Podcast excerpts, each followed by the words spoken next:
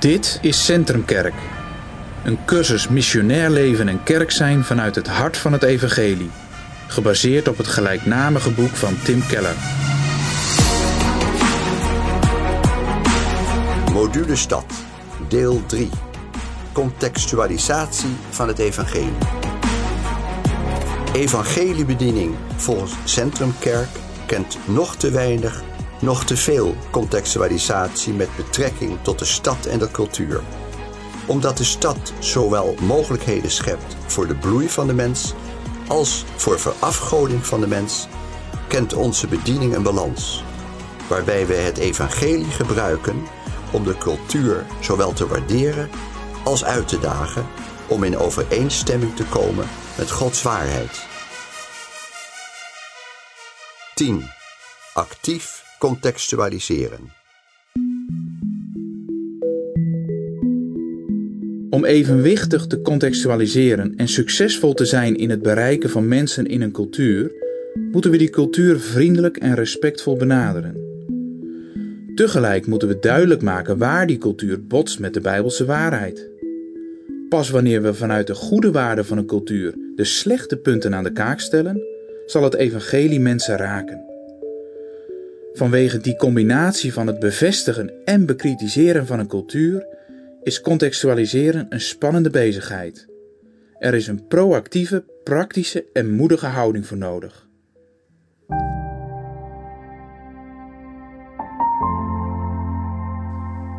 Actieve contextualisatie verloopt in drie stappen. 1. Deelnemen aan de cultuur. 2. De cultuur bekritiseren. En 3. Een appel doen op die cultuur. Hierin komt alles wat we over contextualisatie hebben geleerd samen. 1. Deelnemen aan de cultuur en je aanpassen. Stap 1 is het leren begrijpen van de mensen die je probeert te bereiken en je er zoveel mogelijk mee identificeren. Probeer je hun sociale leven, taal en cultuur eigen te maken. Zorg dat je hun hoop, bezwaren, angsten en overtuigingen goed kunt verwoorden. Want de waarheid is het antwoord op vragen van specifieke mensen. Je zult hun cultuur moeten begrijpen. Luisteren naar de ander is daarbij cruciaal. Als je jezelf onderdompelt in de vragen, de hoop en het geloof van een cultuur, kun je een Bijbels antwoord geven waarin het evangelie centraal staat. Raadpleeg daarvoor deskundigen, maar luister vooral goed in de ontmoeting met allerlei mensen. Je zult merken dat mensen zich op twee manieren kunnen storen aan wat je vervolgens zegt.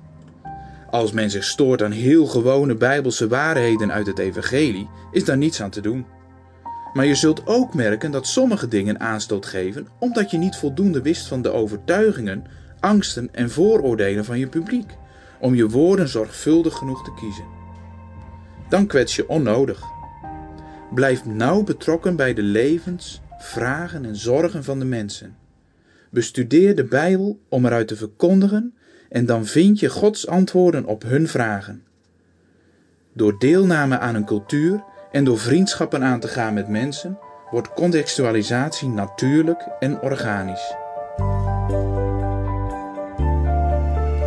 Als je deelneemt aan een cultuur, leer je ook het overheersende wereldbeeld en de belangrijkste levensovertuigingen kennen.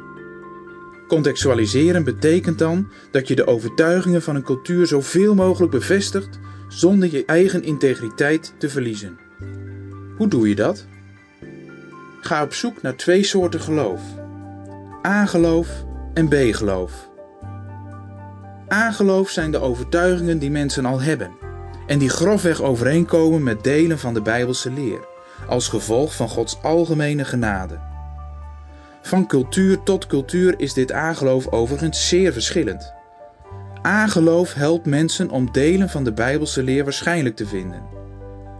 B-geloof is het tegengeloof waardoor de toehoorders bepaalde christelijke opvattingen onwaarschijnlijk of kwetsend vinden.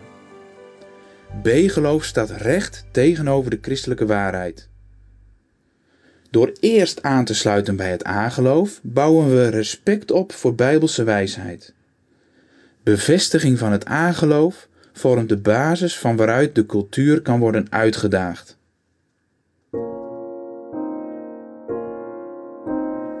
A-geloof, algemene genade. B-geloof, tegengeloof. A-geloof, opvattingen die grofweg overeenkomen met de Bijbelse leer. B-geloof, opvattingen waardoor delen van de Bijbelse leer onwaarschijnlijk of kwetsend worden gevonden. A-geloof, aansluiten en bevestigen. B-geloof, uitdagen en confronteren.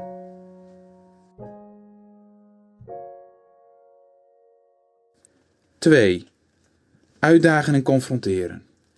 Ook Paulus schuift het streven van een cultuur niet opzij, maar bevestigt die. Tegelijk pakt hij datzelfde streven aan door de innerlijke tegenstrijdigheden in het denken van de mensen bloot te leggen.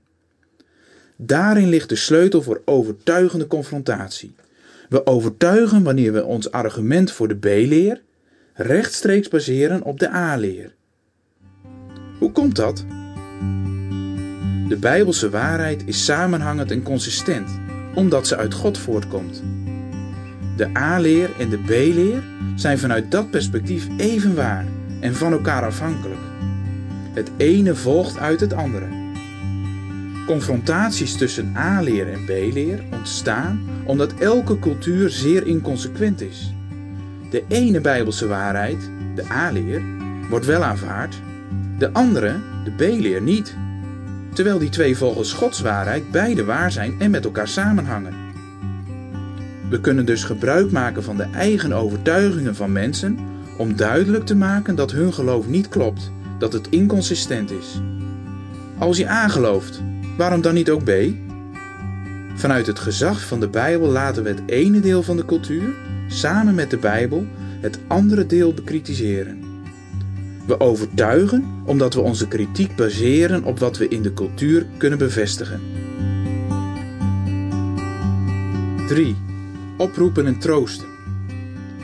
Actieve contextualisatie is niet af als we tenslotte niet laten zien dat Christus de bron is van alles waar de mensen naar verlangen. Wanneer we de basis van het geloof van een cultuur ter discussie hebben gesteld, voelen onze toehoorders zich uit balans gebracht. In dat stadium van contextualisatie moeten we aan een hernieuwd evenwicht werken. Er is troost nodig. Alles waar mensen naar verlangen is in Christus alleen te vinden. Laat de mensen daarom zien dat de verhaallijnen in het plot van hun leven alleen in Jezus een happy end zullen kennen. Vertel het grote verhaal van een cultuur opnieuw vanuit Jezus. Plaatsvervanging. De diepste verlangens van mensen kunnen alleen vervuld worden door Jezus' plaatsvervanging, door verzoening.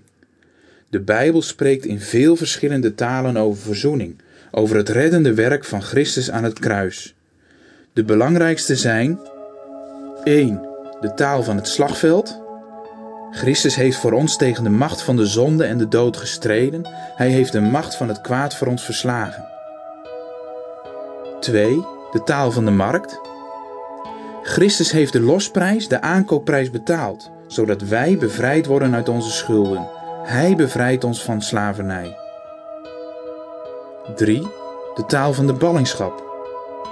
Christus werd verbannen en uit de gemeenschap gestoten, zodat wij, die verbannen zouden moeten worden, erbij mogen horen. Hij brengt ons thuis. 4. De taal van de tempel. Christus is het offer dat ons reinigt, waardoor we bij de heilige God kunnen komen. Hij maakt ons schoon en mooi. 5. De taal van de rechtbank. Christus staat voor de rechter en neemt de straf die wij verdienden op zich. Zo verdwijnt onze schuld en worden wij rechtvaardig. Al deze talen zijn deel van Gods geïnspireerde woord. Elke taal benadrukt dingen over onze redding die in een andere taal veel minder duidelijk naar voren komen. Elke mens en elke cultuur wordt door een specifieke taal het meest geraakt. Wat is het verbindende element in al deze talen? Tim Keller zegt: maar het meest troostrijke en aansprekende thema in de Bijbel, het unieke en onveranderbare thema dat in elk van deze talen terug te vinden is, is het thema van de plaatsvervanging. De kern van de verzoening, ongeacht de taal die gebruikt wordt, is altijd Jezus die als onze plaatsvervanger optreedt. Jezus bestrijdt de machten. Jezus betaalt de prijs. Jezus verdraagt de ballingschap. Hij offert zichzelf op en draagt de straf voor ons in onze plaats. Elke taal laat zien dat Jezus doet wat wij zelf niet kunnen. Hij brengt de verzoening tot stand. Wij doen niets. Daarom is het plaatsvervangend offer van Jezus het hart van alles. Door het plaatsvervangende offer van Christus te benadrukken, kunnen we elke cultuur aanspreken en hem voor elke cultuur aantrekkelijk maken. De verschillende talen voor verzoening geven ons prachtige, passende beelden om in elke cultuur zichtbaar te maken hoe Jezus plaatsvervangende werk in een cultuur juist de grootste problemen oplost en onze diepste wensen vervult. Neem dus zorgvuldig deel aan de cultuur om je heen en grijp de moed om de wereld van je publiek uit te dagen. Bied daarna troost, met het warme hart van iemand die deze troost uit de eerste hand kent.